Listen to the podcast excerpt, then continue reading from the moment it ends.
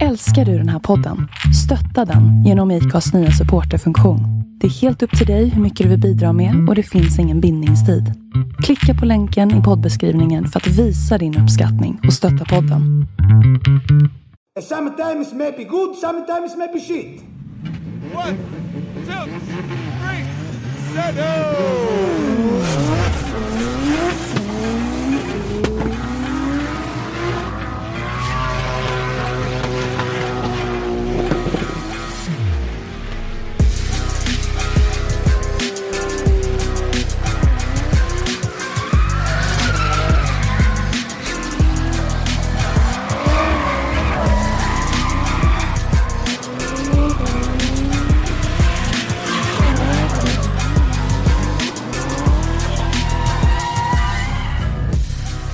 Och välkommen till ett nytt avsnitt av Driftpodden med mig, Henrik Andersson. Christer Hägglund. Och Robban Strandberg. Tjena gubbar, allt bra? Allt är bra i det vackra vädret, ja. Det är ju Ja. söndag, den är obligatoriska åka och skrapa bort fågelskiten från bilarna dagen. Idag är det så här varmt så man liksom känner att nu, nu vill jag smälta. Man, man gnäller när det är vinter, sen så gnäller man när det är varmt. Och idag är det fan Det är med otrevligt. Tog och letade fram eh, biltrailern förut. Ja. Den eh, har stått ett litet tag eh, över vintern här och eh, eh, höger bakhjul ville fortsätta att stå kvar. Jaha! Så det stod det, stilla. det är ett ganska fick, eh, vanligt fenomen när, när saker och ting inte har rört på sig. Ja, jag fick eh, dra ut den på vägen och backa lite och trixa lite och sådär innan jag lyckades få någon fart på. Men till slut så. Jag har, ska köra min stora motorcykel till verkstaden och startmotorn på den vill inte längre. Så det får fan Aj, åka fan. biltralla. Ja, du får väl inte in den i din transportbil heller? Jo, det kanske jag hade fått, men eh, den ska på verkstad den också. Jaha! Det, det är en sån vecka. Jajamän. Okej, Ja, hej, hej allihopa, det är bra. lät, Så tar vi fram listan. lät billigt det där. Lät som en dyr vecka det där. Ja. Ja, usch. Usch, Under 30 kommer det inte att kosta, snarare närmare 40 åh totalt. fy fan. Ja, Men, men, är, det, är det mest bilen eller vadå? Ja, mest bil. Ja, MC'n kostar inte så mycket, men startmotorn kan inte kosta så mycket. Nej, jag vet inte. Du, Henke har inte haft motorcykel. 10 räknar jag. Nej, jag hade bytt den själv i och för sig och fått allting fel, så att det var ju lugnt. eh, dagens avsnitt i alla fall är ju då, eh, om ni nu har haft den förmågan att missa, så har det ju faktiskt varit deltävling två av SDS i helgen. På Våler. Hur någon kan ha missat det. Med trevlig överraskning av Mr Consistency. Om vi säger så. Precis. Så det är intressant. Och sen så har vi en grej till vi ska dela med oss av. Eh, Men vi kan väl börja med SDS. Mm. Och vi kan ju dessutom dementera det vi sa förra veckan. Förresten, nu har vi fått svar på det. Det var gräddfil. Ja visst ja, vi har fått, fått Mm. in ett svar. Nu har jag inte, vänta, nu måste vi... Och jag måste säga att det var gott. Det tog en stund att vänja sig, men sen så var det gott faktiskt. Nu, nu vart jag lite tagen på sängen här av Henke. Jag hade helt glömt bort det där. Min, min Messenger-grej vill inte riktigt vara med här. Vad fan, där. Eh, eh, eh, Det här är ju pinsamt. Jag sätter det där, där, där. Vi har fått ett svar här ifrån Johan Stjärn. Som tyckte det att, eh, ville bara svara för er och visst är det gräddfil vi norrbaggar kör på våfflorna med sylt. Vi tycker grädde blir för mycket sötgrejer så lite syrlig i gräddfilen blir helt perfekt. Så ett jättestort Ja. tack för, för det svaret faktiskt. Ja, Mm. och de har rätt. Alltså det var, det var. Jag, jag måste prova. Jag är ju av den här äh, skolan med att man ska ha om, om våfflan är en centimeter tjock, då ska det vara två centimeter tjockt med blåbärssylt på den. Våfflan är bara ett sätt att kunna få en ursäkt att skyffla i sig kopiösa ohemula mängder med blåbärssylt. Ja, ja. Och, och sen har du alltid det här med eh, torsdag, då är det ärtsoppa pannkakor. Nej, Det är liksom. nej. Alltså? Alltså folk som äter ärtsoppa frivilligt i fredstid är fan sjuk i huvudet alltså. Det finns inget på den här planeten som kommer få mig att tälta i fredstid eller äta ärtsoppa om det inte är en jävel som försöker skjuta mig. Nej, Jag lyckades under tio månader undvika ärtsoppan helt och hållet. Det är jag ganska stolt över. Sju år. Varenda jävla torsdag. Gissa om jag inte tänker äta mer ärtsoppa. Vet, vet du hur skadad jag var när jag kom hem från lumpen? Jag köpte mig en ärtsoppeburk. Ja, det är ju något. jag öppnade inte den där jävla burken, men jag hade ju den i skåpet. Så då var det ju legitimt med pannkaka då. Leverpastejen, Mm. alltså, jag, jag tillhör de här, jag, vi var ju lite bortskämda, vi hade lite modernare rations än de flesta, så vi har ju sån här liten, nu har väl de flesta trupperna så när man knäcker i botten så lagar den mat själv, men du ska inte ha den Ja. i handen medan du gör det, för då kommer du ha ont i handen. Men det fanns en typ en pasta carbonara där. Den var så jävla god! Så det var ju nästan slagsmål om, om man käkade pasta carbonara. Jag tror jag åt det varenda dag i ett par veckor i sträck. Det var liksom som, som godis nästan. Ja, ja. Och välkommen till gamla gubbar kommer ihåg hur det var när de gjorde lumpen. Ja, Ja. precis. Ja, i alla fall. Ska vi börja med kvalet eller? Ja, jag tycker det. Ja, det var det ju ingen av oss som var där och såg det, men Nej, men eh, man eh, har, har ju sett resultatlistan och eh, måste ju säga att jag är imponerad över hur Mattias Nordängen eh, framför den här stora Toyota Chasern. Ja men på den banan också. Det kändes ju Ja. verkligen inte som en en, ett, ett, ja, Suezkanalen är inte så jävla bred den heller. Alltså, Nej. Ja, nej, han eh, lyckades i alla fall bli kvaletta med 95 poäng. Fantastiskt fint resultat och speciellt om man börjar titta på eh, de här herrarna som är 2, 3, 4 som ju är mycket rutinerade och duktiga förare. Tvåa Tor-Arne Kvia 93, trea Johan Andersson också 93, fyra Jim Olofsson 90 poäng. Det finns ett antal timmars sätestid i de där tre herrarna. Jag delar på de där så är det rätt många. jag menar alltså, bara, bara vakna upp på morgonen och veta att jag kvalar bättre än de här tre. Ja. Det är fan... Det är, Ja, det är, fantastiskt. Alltså jag, jag måste säga det, jag, jag är lite glad över att, att allt det, det tid, arbete, meck, nya delar och, och, och skruvande Olofsson har haft med på sin lilla bil nu så verkar det ha gett lite utslag. För det var ju inte så att han, han kvalar ju väldigt bra. Mm. Absolut. Så det, det känns som det är på väg åt rätt håll där. Han kan bli Mm. farlig. Eh, Jonathan Öråker femma, Ole Mårten Davanger sexa, Alfred Grindberg eh, sjua följde upp det fina resultatet från eh, Elmia där då med ett bra kvalresultat. Öyvind Bogen, kul att se att han är tillbaka. Eh, Ole Peter Vatten och Tor-Anders Ringnäs så hade vi topp 10 i kvalet då. Ja, Jag menar, eh, Grindberg har gått från, från klarhet till klarhet tycker jag. Mm. Han har liksom gått eh, i princip spa, spikrakt ifrån RM uppåt. Mm. Eh, tyckte det var otroligt synd att eh, Lill Wunderbaum och Alexander Svensson hamnade precis utanför topp 32an med samma poäng som Viktor Andersson då som var på 32 plats. Känns inte som det är så mycket Ja. stolpe in där eh, för Alexander. Men det är ju surt där när man, när man trillar ut och har samma poäng som någon. Man, borde det inte finnas någon liten klausul att om två har så slänger vi med bägge? Ja, vi har ju varit med om i alla fall att man har fått kört om. Eh, jag vet att Henrik Isaksson, nu kommer jag inte ihåg vem mer det var, fick eh, köra ett omkval på Mantorp Park uppe i Mjölbydelen en gång. Därför att då hade de exakt samma poäng så det gick inte att skilja dem åt. De hade samma poäng i båda kvalåken. Ja, det var en Även- sån här one more run typ. Även samma delpoäng liksom i så att man fick köra om det en gång till vem som skulle Jag tror att båda var inne i stegen dock men vem som skulle bli på vilken plats Mm, mm. har jag för mig. Och sen är det, alltså generellt sett, att eh, komma in på 32 plats är ju inte optimalt. Nej det är det ju inte men vi kommer ju att se längre fram här när vi tittar på stegen att 29 plats var ju inte så dumt att hamna på. Faktiskt. Ja, nej. Eh, så att det är ju så. Det är en fördel att kvala högt. Absolut, utan tvivel. Men är du väl med i elimineringen så kan vad som helst hända.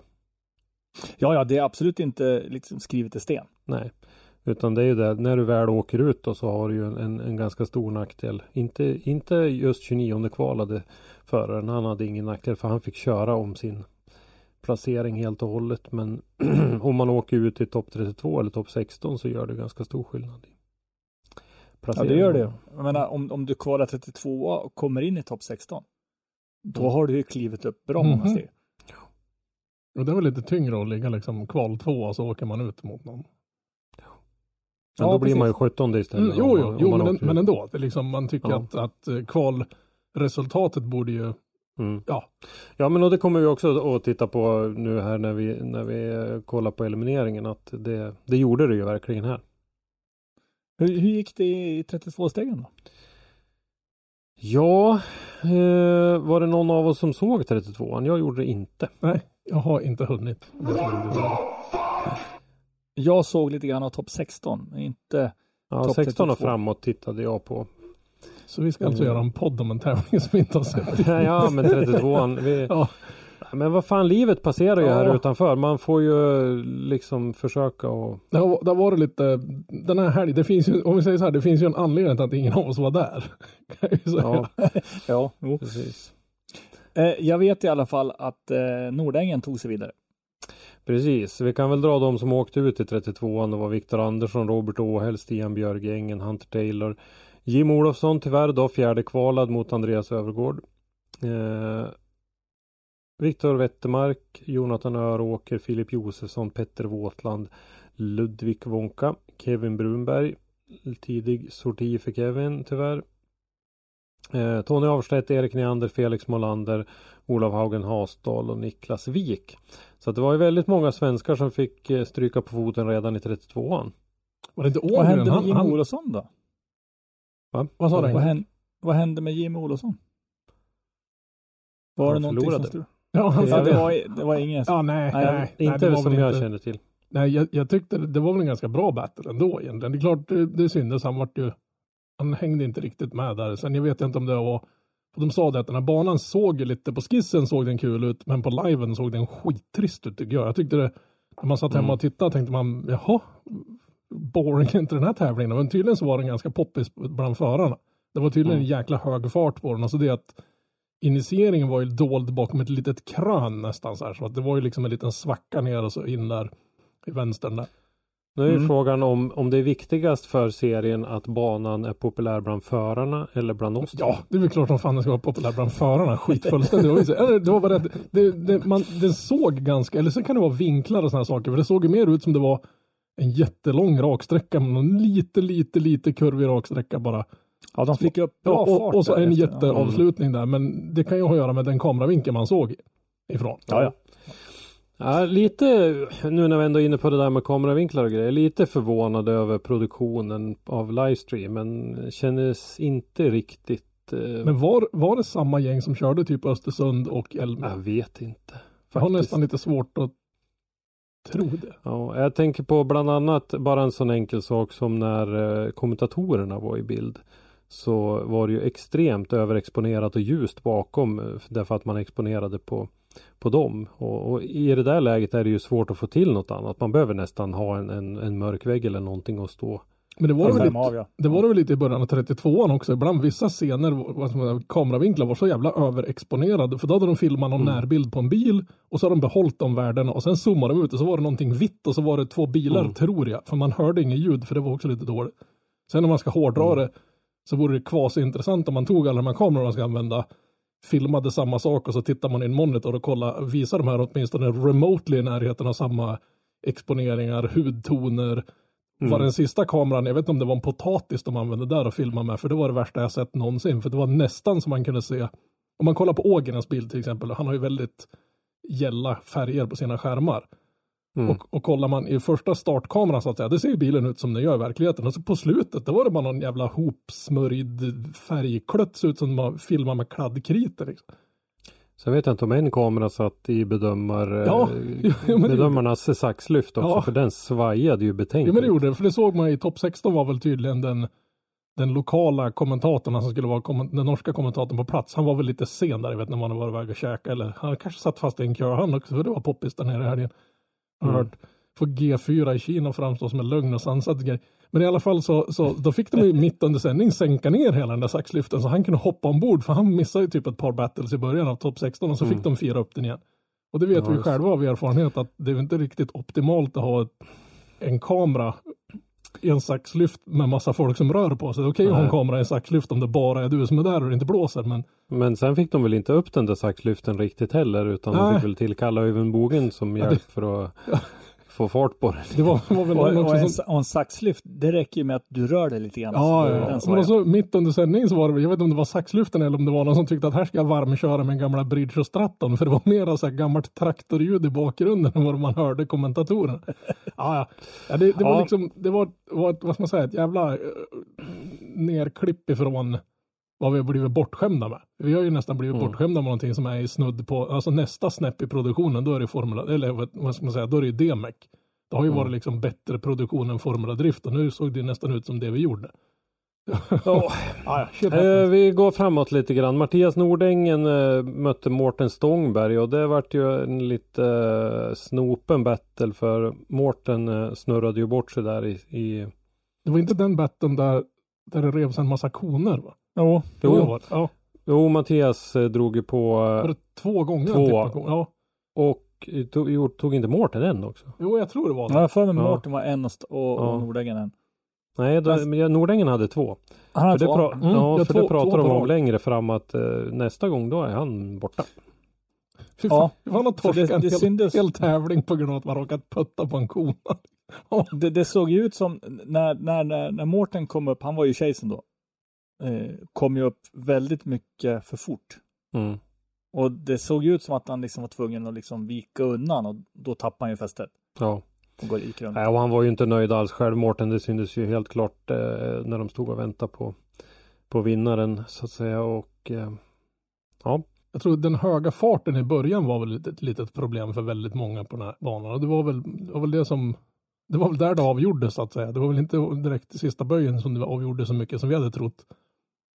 Ja, det var rätt många som, som blev frånåkta. Liksom, Ja, nästan. ja, men det var det också i kombination med kameravinklar som gjorde det som att det såg ut som det var en lång rak sträcka. Det bara gör en liten manjo och så är det lång Ja, svepande ja. på slutet. Mm. Men den var ju tydligen skarpare än vad, vad man såg så att säga. Alltså det var, det var slingrigare än vad man såg. mm. Och då såg vi väl jag vet inte, Ågrens avåkning har vi inte nämnt. Jag vet inte vad riktigt som hände där. Om det var någon kombination med att motorn la ner och, och styrskärmen. Nej men det verkar som, du pratade om att han hade haft kopplingsproblem. Ja, nej, jo, men jag för mig att det var han som hade kopplingsproblem redan dagen innan. Men det verkar Mm. de tydligen ha fått till. Men sen så såg jag Ja. en liten blipp på, på Instaface om att han hade haft både motorstrul och lite. Jag menar, och sluta Jaha, det var styrservostrul Ja, ja, ja, också. För jag ja, tänkte, jag antar det. för- annars i det, där, i det där läget om man tappar eh, drivet helt, om kopplingen jävlas på något sätt, så skulle det kunna bli lite grann den där reaktionen Mm. att du åker rakt fram sådär. För det var ju, han, han gillar ju verkligen inte den där tjuvstartslampan. För den, den, fick verkligen Nej. sätta livet till. Och så var det väl någon kamera som strök med där också. Ja, vi tar Öyvind Bogen eh, vann mot, nej Ole Peter Watten vann Mm. mot Öyvind Bogen i alla fall. Eh, Ja. Max Wonka, Andreas Övergård, Övergård vidare. Filip Ågren, Joakim Haugenäs. Där tog Haugenäs då följaktligen det för Ågren kunde inte hämta igen det där i, i andra. Det bästa man kan hoppas på en sån där gång är ju att eh, den andra gör något misstag också som har fått till en one more time. Mm. Tyvärr då för Philips del, eh, Haugenäs som ju vi vet kör eh, Fredrik Åsbös gamla GT86 va? Ja, det, är det ja. det. Eh, Tor-Arne Kvia och Helge Hellstad, en eh, riktigt eh, potent norsk battle där eh, Tor-Arne gick vidare. Alfred Grindberg fick möta Tor-Anders Ringnäs. Där eh, skiljer ju en del i rutin. Alfred nya hungrig och Tor-Anders är ju en, eh, en gammal rutinerad räv. Ni som inte har sett eh, Pontus Blomqvists bilder på uh, Tor-Anders Ringnäs krasch på Rudskogen borde googla rätt på dem för de är Ja, Han har varit med. han har varit med. Det är en av de mest djävulska krascher jag har sett på bild inom drifting. Eh, Johan Andersson mötte vår finske vän Sebastian Engblom. Där gick Johan vidare. Eh, utan något större fass tycker jag. Eh, och i sista där då så var det Ole Mårten Davanger mot Kristoffer Syvertsen. Eh, där gick Syvertsen vidare. Det var liksom, höll på att bli nästan en, en norsk fest det här. Ja men det gjorde ju det för att redan här då i topp 16 så hade vi, vi hade fyra svenskar kvar och tre av dem åkte ut. Mårten Stångberg, Filip Ågren och Alfred Grindberg fick lämna så det var bara Johan Andersson kvar som klev in i Och det var väl inte så bara egentligen. Nej, det är inte så bara. Nej. Jag är fortfarande så sjukt imponerad av att en kille som har inte tävlat på många, många år vloggat lite, kört några frikörningar bara. Det, det liksom bekommer han inte jävla dugg. Liksom det här med någon, någon form av ringrost och sånt verkar inte någonsin. Han, jag tror inte han vet vad det är. Nej. Men eh, känn, är det bara jag som känner att, att det är ju på något sätt kriminellt att den här killen inte får ta sig ut i Europa och prova? Jag vet att det har varit mycket snack om hans jobb, att de inte klarar sig utan honom på, på hans jobb. Men vem fan bryr sig om hans jävla jobb? Precis. Vi har ju en svensk motorsportstjärna här som kan ta sig ut i Europa. Han är, titta, titta på den här konsekventa körningen han har hela tiden. Jag, jag, måste, jag måste ju gå och anmäla till polisen på något sätt. ja, men precis. Vi får ha någon Ja, ja men jag måste, det, Jag det blir är fan ju... upprörd. Men det här känns det som en sån här grej där SBF borde liksom tuta in, för de har väl säkert någonting, men om det är någon enastående rallyförare eller gokartåkare eller sånt här, så brukar SBF kunna vara där och, och lobbya för att de ska få en styrning. Och, jag menar, det är bara att kolla på Marcus och, och Felix till exempel i Indycar. Och var ju SBF över där. Och det Och vet, lobbade, vi, liksom. vet vi alla hur poppis den resan blev. Men, Ja. men, men Det är, därför det, det är därför det är så otroligt synd med driftingen som den är upplagd nu. För nu finns det liksom inga riktiga egentligen team som fångar upp bra förare. Nej, nej, nej, Ja. men, men det gör det ju inte egentligen i, i rally och rallycross på den nivån heller. Men här har vi en, en kille som har oförskämd talang alltså. Det, det, Ja, ja. Ja, eh, vi tog oss till topp 8. Mattias Nordängen eh, mötte Ole Peter Vatten och där gick Nordängen vidare. Jag tyckte att Nordängens eh, leadkörning var flawless. Jag tyckte han körde fantastiskt bra. Han körde sina, han var kvaletta som vi pratade om förut. Han kör, fortsatte att köra sina Ja, men- 95 po- poängs kvalåk ja, som, li, som lead under hela tiden. Ja det var, han var också liksom, det var lite så här Johan, det, är nästan tråkigt att se de två köra. För Ja. det är liksom Ja. samma, samma grej varenda gång. Det är inget, inget svajande, fladdrande utan det är bara ser nästan sjukligt, or, sjukligt rutinerat ut. Eh, Nästa battle hade vi Joakim Haugenäs mot Andreas Övergård. Där hade vi alltså kval 28 mot kval 29. Eh, Övergård vidare. Tor Arne Kvia, Tor Anders Ringnäs. Som sagt, två rutinerade herrar. Eh, där Kvia gick vidare och där Ringnäs gjorde en ganska rejäl eh, resa ut i spenaten. Eh, där det såg ut som bilen sjönk ner väldigt, det måste vara- väldigt. Jäkligt mjukt. Eller så hans Ja, bil det så måste väldigt fruktansvärt låg och plus kameravinkeln som gör att det såg ut som han satt ner typ 20 centimeter i dyn nästan. Jag tänkte hur fan Ja. ska de få den här bilen därifrån? Så bara in med skämsplankan, upp med bilen, ut som det vore, som de bara drog han från plan asfalt liksom. Ja, det måste ha sett värre ut än vad det var ja, helt jo, enkelt. ja, det där såg... Ja, Alltså, men det vi- såg ut som att det var ganska, ganska mjukt men vilket hela banan. flyt, faktiskt. med tanke på hur mycket det högg, vilket flyt att den Ja, inte slog att den runt. inte rullar runt. Mm. Det, men, men det såg inte ut. Jag, jag, jag tittade bort lite i, så jag såg inte kraschen från början så att säga. Man fick se den på reprisen där.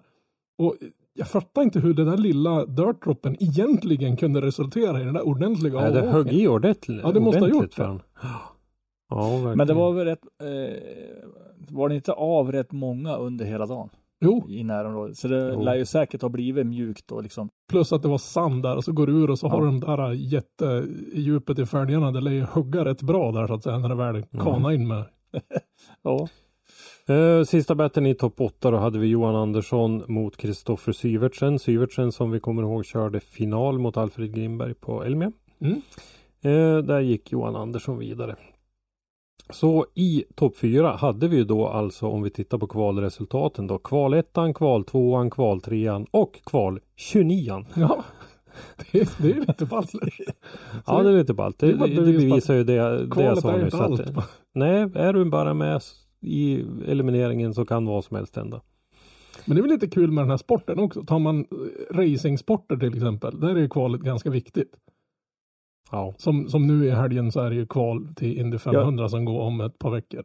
Och där Ja, är ju, det, det är ett helvete att ta, men skulle du kvala en kval 29 där, då, då ska du vara glad om du kan slåss om en topp 15 placering. mm. Men i, i, i den här sporten, där är det ju, jag menar det enda du behöver göra är att ta det vidare, sen är det bara att fortsätta plocka bort folk i dina battles så att säga. Mm. ja, du har ju större chans att omvandla ett dåligt kval till ett bra resultat. Ja, å andra sidan så är du sist i kvalet får du möta den som är bäst i kvalet och det brukar ju oftast finnas en argument att den killen är bäst i kvalet. Men du har ju Ja. fortfarande 50-50 och liksom hävda det där. Ja, Du behöver ju inte ta det förbi 29 andra för att komma dit. Nej. Eh, Så det blev ju då kvalettan Mattias Nordängen mot just Andreas Övergård i första battlen i topp 4 här. Som Nordängen vann. Och Tor-Arne Kvia mötte Johan Andersson i en, tyckte jag, en riktigt bra battle. Oh ja. Eh, mycket bra. Där Johan Andersson gick vidare. Så då hade vi en eh, battle om tredje mellan Tor-Arne Kvia och Andreas Övergård som Kvia vann. Och finalen då mellan Mattias Nordängen och Johan Andersson. Och där gjorde, tyckte jag, båda två faktiskt sina jag ska inte säga enda misstag men, men ett av få misstag i alla fall. Därför att Johan kom väldigt, väldigt långt ut. Väldigt nära asfaltkanten. Dock var han på asfalten Mhm. fortfarande. Det var, men det var liksom, menar du i sista, sista Ja, böjen? sista långböjen. Ja, för där, där var det. där var det, Det var på det där centrum. berömda håret. Ja, centrum på fälgen, den var, åkte på kanten på det där. Ja, Så ja, men Nordängen hamnade lite utanför Mm. och dörtroppade rätt rejält där då. Så att det blev en, en ganska given utgång ändå då, att Johan Andersson gick och tog hem det här. Och där ser vi hur, hur lite marginal det egentligen är. men en sån Ja. gång, är, det, det är ju liksom leadbilen som, som ska leda på Mm. banan så att säga. Och, och chasebilen kommer ju nästan alltid by default lite efter och lite bakom så att säga, alltså lite längre ut. Då blir det att, att leadbilen ligger väldigt, väldigt långt ut. Då blir det väl att han leder ut chasebilen i, till en dirt drop i stort Det sett. kan det till och med vara så att det påverkade att eh, Mattias Nordängen har en väldigt lång bil. Ja, den tar ju liksom inte slut den här bilen. Nej, precis. Men eh, som sagt eh, Johan var på asfalten. Ja. Så att Jo, Han var inte jo, för jo, långt jo, ut. jag, jag tänker inte lägga någon skuld på han, men, men det kan ju Nej. bidra till att, så att säga, om du Mm. hela tiden Ja, har legat en halv meter längre bakom hans bakhjul, så att säga, hela tiden, Mm. och helt plötsligt ligger hans bakhjul precis på gränsen till kanten av banan, då Mm. är det ju rätt att, eftersom du är en halv meter ytterligare ut med dina bakhjul, så är det ju av banan. mm, Och det var ganska många avåkningar just i ingången till den sista. Då var det väl oftast för att folk, eftersom det var sån hög hastighet i de två första zonerna så att säga, så blev det vet. en ganska hyfsad separering. Det var inte den här super, det var inte Mm. Elmia tight om vi säger så. nej. Någon, vet, han, Hunter Taylor var väl av där också i sin det, var, det var ju ruskigt med folk av där hela Ja. helgen. Jag, vi kan inte hålla på och rabbla upp alla, men alla var väl av någon gång.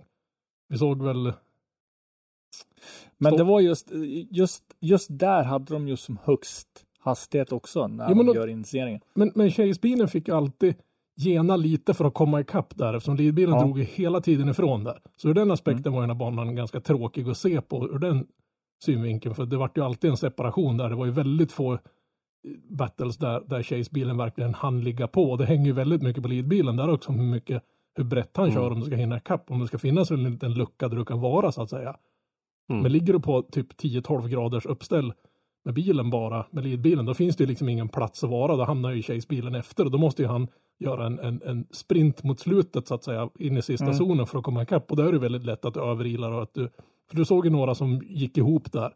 Var det inte någon som körde på Stångberg ganska rejält så hans bakhjul pekar väl lite si och så där. Under någon Mm. battle. Var det Åhäll då? Ja, jag tror det var ohäll. Mm. Det är nog lätt hänt där också. För att Jo, är men liksom, precis. Men, de, de, För, för chasen vill ju komma fram till leadbilen och leadbilen kanske bromsar upp sig lite mer.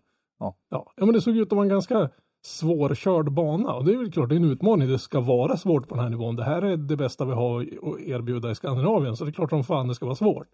Mm. Det ska inte vara liksom någon, någon det ska inte vara en Formula driftbana vi åker på. Eller? Nej. Ja, så slutade tävlingen i alla fall och det där gjorde ju då att det blev lite omkastat upp i toppen och Johan Andersson klättrade faktiskt ända upp i toppen då i, i seriesammandraget. Mm. Eh, med 187 poäng totalt före Tor Arne Kvia 174. Kristoffer Syvertsen som ju blev tvåa förra gången och låg tvåa efter den eh, ligger trea nu då 173 poäng. Alfred Grinberg ledde efter förra gången 167 fjärde plats nu då. Ole Peter Watten femma med 152. Ja, vi har ju topp fem, är ju, alltså de följer efter varandra. Ja, det är tajt. Men när är nästa tävling nu? Det är väl ett ganska långt avbrott till nästa deltävling? Mm, det är 31 augusti till 2-3 september någonting. De Ja, kör, mark sommarfestivalen på Rudskogen är ju ingen, Nej, utan höst. eh, utan det är höst. Gatubil Race Festival på Rudskogen heter det. Ja. Eh, 31 augusti till 3 september. Då är det STS nästa gång. Och sen är det Mantorp. säsongsavslutningen på Gatubil Season Finale eller något sånt där heter det. Mm. Som ju är jättesent i år. Den är Ja, ju till och med i verkligen. slutet av september, början på oktober. Det är nog bara, inte för att vara pessimistisk, men regnkläder är något jag tänkte packa med. Kan Ja. jag säga. Regnkläder, underställ och lite värme. Och så vi som kommer från Norrland, pannlampa är också bra att ha där nere, för det blir ju mörkt Ja. så inåt helvete där. Ja, det är ingen som har lyse på på nätterna här Nej, nere. jag vet Det är men det är här. klart, de har ju fått elskatt. Ja, ja, skitsamma. Ja. Men en, en sak vi måste ta upp här, det var ju att nu har de ju varit i Norge och kört. Nu har ju alla fått byggt om sina avgassystem och skaffa Norgepiper till höger och vänster där. Vad, vad, vad, vad tråkigt det lät. Alltså, det var, vi som sitter hemma och tittar på det i studion, det var massvis med folk som klagade. Bara, "Gå- Kan inte slå, höja ljudet? Kan inte vara tyst medan de kör och sådana saker till, till spiken? För det var jättelåg ljudvolym. Men det är nästan vad som har man hörde växellådor och motorer och däck mer än vad man gjorde med avgassystemen. Vad har de för decibelnivå i Norge? 100 hade de. Ja. För jag såg 100? det. Vi har ju 95 i Sverige. Och våra låter De värre. mäter väl kanske på ett annat sätt? Nej, det ska man inte göra. Det jag vet är att det har varit mycket prat om Rudskogen. Att man har någon slags eh, mikrofon, någon slags decibelmätare Ja, i slutet ja, ja. på start och målrakan där som går direkt till miljökontoret i Rackestads kommun. Eh, och då kommer det stora ajabaja-fingret om man överskrider det.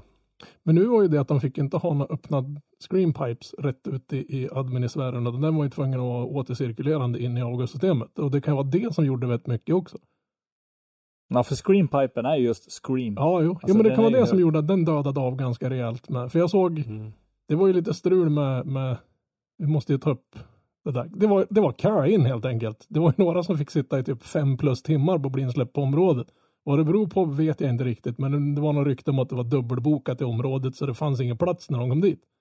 I depån och sen var det ju tvärstopp. Det var ju så ut ungefär. Det var här- kaos med andra ord. Ja. Ja, Och den depån är ju inte så jättestor. nej. Ja, det var, väl, det var väl ganska mycket strul när de skulle in där. Och det var, fick ju till följd att besiktningen stängde ju, var, jag vet inte om det var klockan åtta. Och det satt ju fortfarande tävlingsekipage kvar i kön utanför som fick vänta ett par timmar till innan de kom in. Så de hade Mm. ytterligare en besiktning dagen efter. Och där såg jag att det var, eh, jag tror det var Olofsson som var där. Han hade väl 95, komma någonting decibel. Och då skrev de med någon sån här liten fett krita på bilen hur många decibel bilen hade genom besiktningen. Det är lite tufft, man såg det på vissa bilar. Ågren hade 98 decibel, så han låg precis på gränsen där. Det, det är svårt att klippa två decibel, man tänker inte på det. Det är, Ja. det är rejält med arbete för att kapa ner två decibel om din bil Man ska komma 100. ihåg att mellan 80 och 90 decibel så har ljudet blivit högt, dubbelt så högt. Ja, Det dubblas på varje 10. yes. Så att det är inte från 50 till 100 är det dubbelt utan mellan 80 och 90 är det dubbelt och sen mellan 90 och 100 är det dubbelt en gång till. Ett jävla sätt att räkna det där.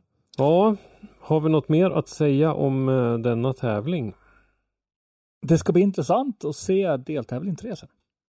Mm. Faktiskt. Absolut, det ska det bli. Och sen ska det bli lite roligt att följa de här killarna och eh, tjejerna och se vad de gör under tiden. För det är ju som sagt ett ganska långt uppehåll nu.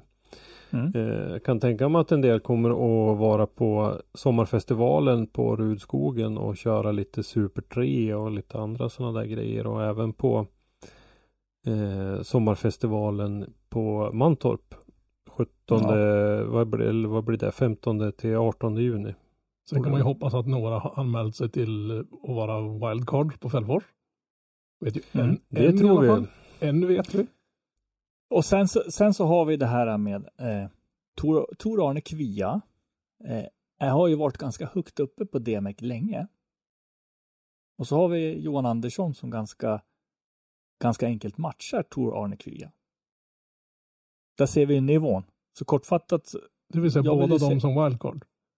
ja, Johan Andersson i alla fall. Ja, alltså jag skulle vilja se Kvia också som wildcard. Jag menar Johan Andersson och Kvia wildcards i Fällfors vore ju fan Makalöst. Ja. Fast det är det. Det är ju sjuka pengar vi pratar om. Vad kostar det? Ja, det är det. En hundring säkert. Lätt. Ja, det är det För, nog för, den, säkert. för den tävlingen med resor och grejer. Mm. Om inte annat så kan man ju, det går ju ett SM, nu kommer jag, det här kommer bli sista gången vi tjatar om det jävla SM. Alltså, men, men det finns ju dock ett SM att köra också. Det är bara en tävling och det är ingen Scandinavian Drift Series där. Å andra sidan vill man gambla med sin Ja, man vill ju inte åka missa på en, på, en grund av... frikörning eller en uppvisning och riskera att skjuta en motor och grejer. Har man råd att chansa med det? Ja, de, de flesta av de här killarna har väl eh, grejer hemma, men det är ju, det är ju problem. Det är det. Men man man Mm. får ju ångest som, som Brunberg som var väg på någon jävla burnout-tävling. Alltså vad fan, han har lagt ner en mer än, han har spenderat mer pengar på sin bil än vad jag någonsin kommer lägga på alla mina bilar resten av mitt liv. Och så bara, nej men jag ska åka iväg och elda upp bakhjul på varvstoppet i 45 minuter. Hoppas på att det håller, för jag ska köra om några veckor efteråt. Ah, det är farligt sånt där. Ja. För sen ska vi också komma ihåg det att de här motorerna är ju liksom, de går ju på 100 procent. Och, de är ju fan inte gratis heller. Det är inte Nej. killar som åker på tippen och hämtar en ny Aigo-motor och hoppas på att den, inte har, att den har blivit servad ett par gånger i alla fall och sen sticker det på nästa tävling. Det, är, Mm. Nej, inte direkt. det här är, det här är, ja, det är kusligt vilken precision de bygger grejerna. Ja, nej men som sagt var, Johan Andersson tror jag kan gå hur långt som helst. Det bara han får möjligheten till det. Men Ja. den andra grejen vi skulle då prata om, eller prata om, eh, berätta för er är då japanska D1. Mm. Kalle Rovanperä. Rallyföraren går och vinner eh, japanska D1. Alltså urmodern till driften. Nej, faktiskt Formula Drift Japan. Ja, Formula Drift, inte D1. Mm, nej, precis. Nu gick ju det där väldigt sent på nätterna, men jag, jag satt och kikade lite grann medan jag väntade på, på att nästa sändning på kvalet för Indy skulle börja.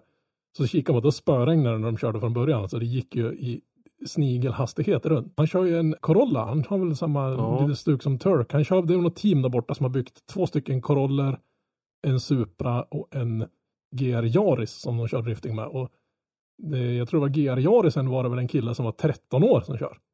Jag menar, här, här kör du Formula Drift i en fabriksbyggd GR, GR Toyota när du är 13 år Mm. gammal. Vad gjorde ni när du var 13? Jag hade fixat något nytt skrubbsår på knät från någon BMX-olycka jag hade. alltså vad fan. I alla fall, men, men resten av kvalet, vändan två där vart det lite bättre. Men det är ju ganska fränt ändå. Man trodde, jag trodde att Rovanperä skulle köra drifting bara för äh, jag har lite tid över balt. Jag hade finanserna att bygga den här balla Supran och sladda Mm. runt med. Men att han skulle satsa så här hårt så han åker iväg till andra änden av jorden. Nej, men det är nog Toyota ser nog ett, ett ganska stort marknadsvärde i honom, marknadsföringsvärde i honom. Så att, eh, Ja, för det är ett affischnamn. ja, det blir ju surr om, om, om driftingen och hans insatser i och med det här. Men det är inget dåligt motståndarmöte. Det är inte någon lokal jävla Nej, klubbtävling utan det var ju liksom Nej. eliten där borta som man får dit och Ja. tvåla till ordentligt. Ogura blev på andra plats Mm. eh, såg jag och eh, som sagt eh, Mad Mike eh, verkar köra vidare där borta. Jag såg honom skymta förbi också. Så att eh, de här Ling Long Tire som vi har pratat lite grann om som eh, Felix Lindvall eh, bland annat eh, och eh, Navrocki?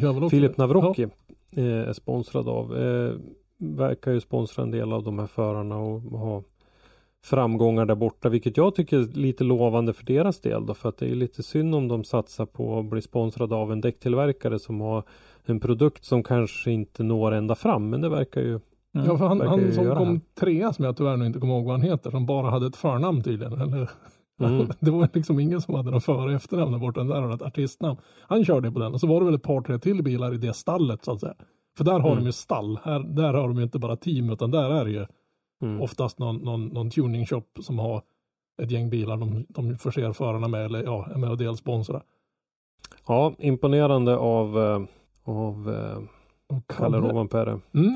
Eh, sen när man Mm. tittar på bilderna på Formula Drift Japans eh, Facebook-sida här så liksom det här med tjejer i pyttekorta kjolar och en pytteliten överdel som står och håller ett paraply sådär. Nu känns det riktigt 2023. Och, Ja, det- det här- va? Det här, Jag vet inte. Men- Grid Girls är ju liksom överspelat liksom. Det, Ja, va? Ja, jag vet inte vad det är för podd jag har hamnat i, men jag måste gå nu tror jag. Ja, Nej, men det hör väl för fan till. Vi hade ju lite tjejer som stod och hoppade på gatubil också. ja det såg jag också. Ja, Och de var nog uppväxta i Tjernobyl eller någonting om man ska bedöma av hudtonen Ja, i ja, livestreamsändningen. jag vet inte riktigt vad som hade hänt, men det, det hänger nog lite på det här med att de inte alla körde varsin egen färgprofil som de gillade. Tyvärr så var det Mm. inte samma på någon av dem. Men Intressant, men vad ska, hä- rest, hä- ja, vad ska Va? hända resten av sommaren då? ja, Ja, nu, nu är det ju inte förrän i augusti nästa gång. ja, och innan det där. så har vi och för sig då, vi har ju ett SM som kommer.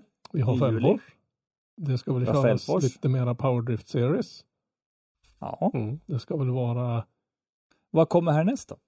Fällfors är ju 9 och 10 juni. Ja, men nä- nästa helg är ju 26 till 27 är det ju Orlando, Formula Drift. Får vi inte missa. Nej. Och söndagen därefter den 28 är det mors dag. Det får man inte heller missa. Eh, det var meningen att det skulle vara första deltävlingen i Drift-SM. Det vart ingenting av det. Och det är väl det som är i helgen vecka 21 där. Sen helgen efter det är det Cash Grabben i Sundsvall. Mm. Sundsvall Raceway. Eh, Eh, det är eh, NDC 2023, alltså deras eh, norska mästerskapen i Lillesand, Lillesand går väl den andra, tredje juni där. Och efter det blir det Demek Fällfors. Och sen helgen efter det är det Gatebil Sommarfestival.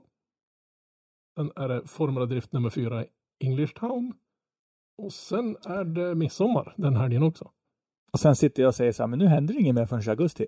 Ja, det är det jag tänkte kolla. Och sen har vi ju då i juli där så har du ju SM i ja, Drift-SM och NES på Mittsverigebanan i Sundsvall.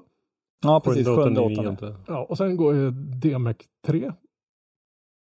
Går ju i Power Park i Finland. Ja. Och sen har du Formula Drift St. Louis.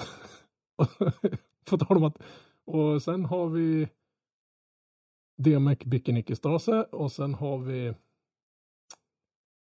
Formula Drift Seattle. Skulle ha varit en till nästtävling där. Iron Drift King, DMEC Ferropolis. Vi har fortfarande inte kommit, kommit fram till, till, till nästa STC-tävling. Eller SDS-tävling Henke. Det händer inget emellan där. Du ska se hur Nej, nej, det, det var rätt lugnt och där. nu, och, nu, och nu tar jag bara drifting-relaterade saker. Det finns typ två lediga helger eller dagar innan helg mellan där som det inte är något annat. Ja. Sen Och kommer, sen, sen vecka 35 där då, då kommer Rudskogen. Ah. Ja, men då har vi ju ändå liksom lite att se fram emot, tycker jag. Sen finns det ju annan sport också än bara drifting. Det finns ju rätt mycket racing och rally och rallycross och det ena och det sjunde Ja. att köra. Och sen kan vi ju faktiskt också hinta om att Indycar, där har vi två svenskar som är med liksom Ja, så idag ska det ju vässar avgöra, till sig. ja, avgöras. Nu spelar vi in det här på söndagen. Och anledningen Mm. till att vi spelar in det här på söndagen att jag ska sitta upp, satt upp i hela natten, eller hela den här veckan har jag suttit upp till. De sänder ju träningarna, man är en nörd, man, de sänder träningarna, det är typ en sju, till, mellan sex och åtta timmars sändning varje dag där de får och tränar runt, runt, runt på banan. Och det har jag ju sett slaviskt varenda dag. Och idag ska det, igår var det förkval för att se vilka som kommer med till Fast 12. Alltså det, igår var det som plockade bort, de, eller de gallrade ut de här 30 förarna som ska gå vidare.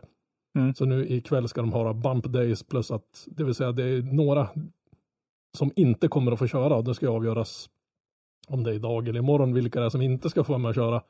Plus att det är Mm. den här Mm. Fast 12 ikväll. Man får se. Och nu ligger ju Felix etta ifrån gårdagen och Marcus 10 tror jag. Så nu ska Mm. båda de är med ikväll och får se vilka som får gå vidare till Fast 6. Vilka som ska vara på de första startleden så att säga. Så det är jävligt spännande. Ni ser, det finns mycket att följa. Oh ja. Men eh, med den bomben så tycker jag att äh, men då är vi väl hem, hemma. Hamn. Ja, det är väl inte så mycket mer drifting-relaterat att prata om. Nej, det är väl inte det. Jag kan väl hälsa så här, följ oss. Nu har ni hört mig tjata om det här x antal gånger, så ni vet vad jag menar när jag säger följ oss. Gjort. Följ oss på sociala medier. Följ oss på Driftpoddens sida på Facebook och Instagram. Följ oss på Motorsportmagasinets sida på Facebook och Instagram. Eh, Motorsportmagasinet så kan ni ju även läsa om nyheter vi lägger ut. Mm. Följ oss överallt. Eh, gå in och kommentera. Tryck på like. Eh, skrik på oss när vi killgissar fel och så vidare. Och så vidare. Då får de inte göra annat. Då får vi börja sälja halstabletter på sidan om. Driftpodden killgissat sen Mm. 2021. Vi måste säga 2020. en sak i alla fall. Det uppstod en ny karossform i helgen. Det vill säga den så kallade Vålerkabben. Vi får inte glömma bort det. Jim Olofsson efter att han varit utslagen så tyckte han ah ballt jag ska åka ut och köra på den här övriga banan och friköra. Någonstans där runt en 200 blås tyckte han stak bara fuck off och så drog den. Jag ser fram emot att se för de hade tydligen riggat någon Insta 360 kamera på hans bil. Det ska bli kul att se när hans start drar som en avlöning där. Ah. Ja, det Ja, det visar sig. Ha det bra allihopa så hörs vi. Hej då. Hej då.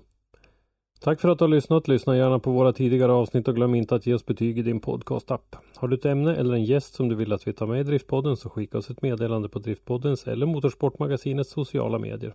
Eller skicka ett mejl till oss på driftpodden gmail.com. I dagens avsnitt har du hört Henrik Andersson, Christer Hägglund och Robban Strandberg. Ljudpåläggning och slutmix Robban Strandberg. Driftpodden produceras i samarbete med Motorsportmagasinet och Powerslide Media AB och produktionsåret var 2023.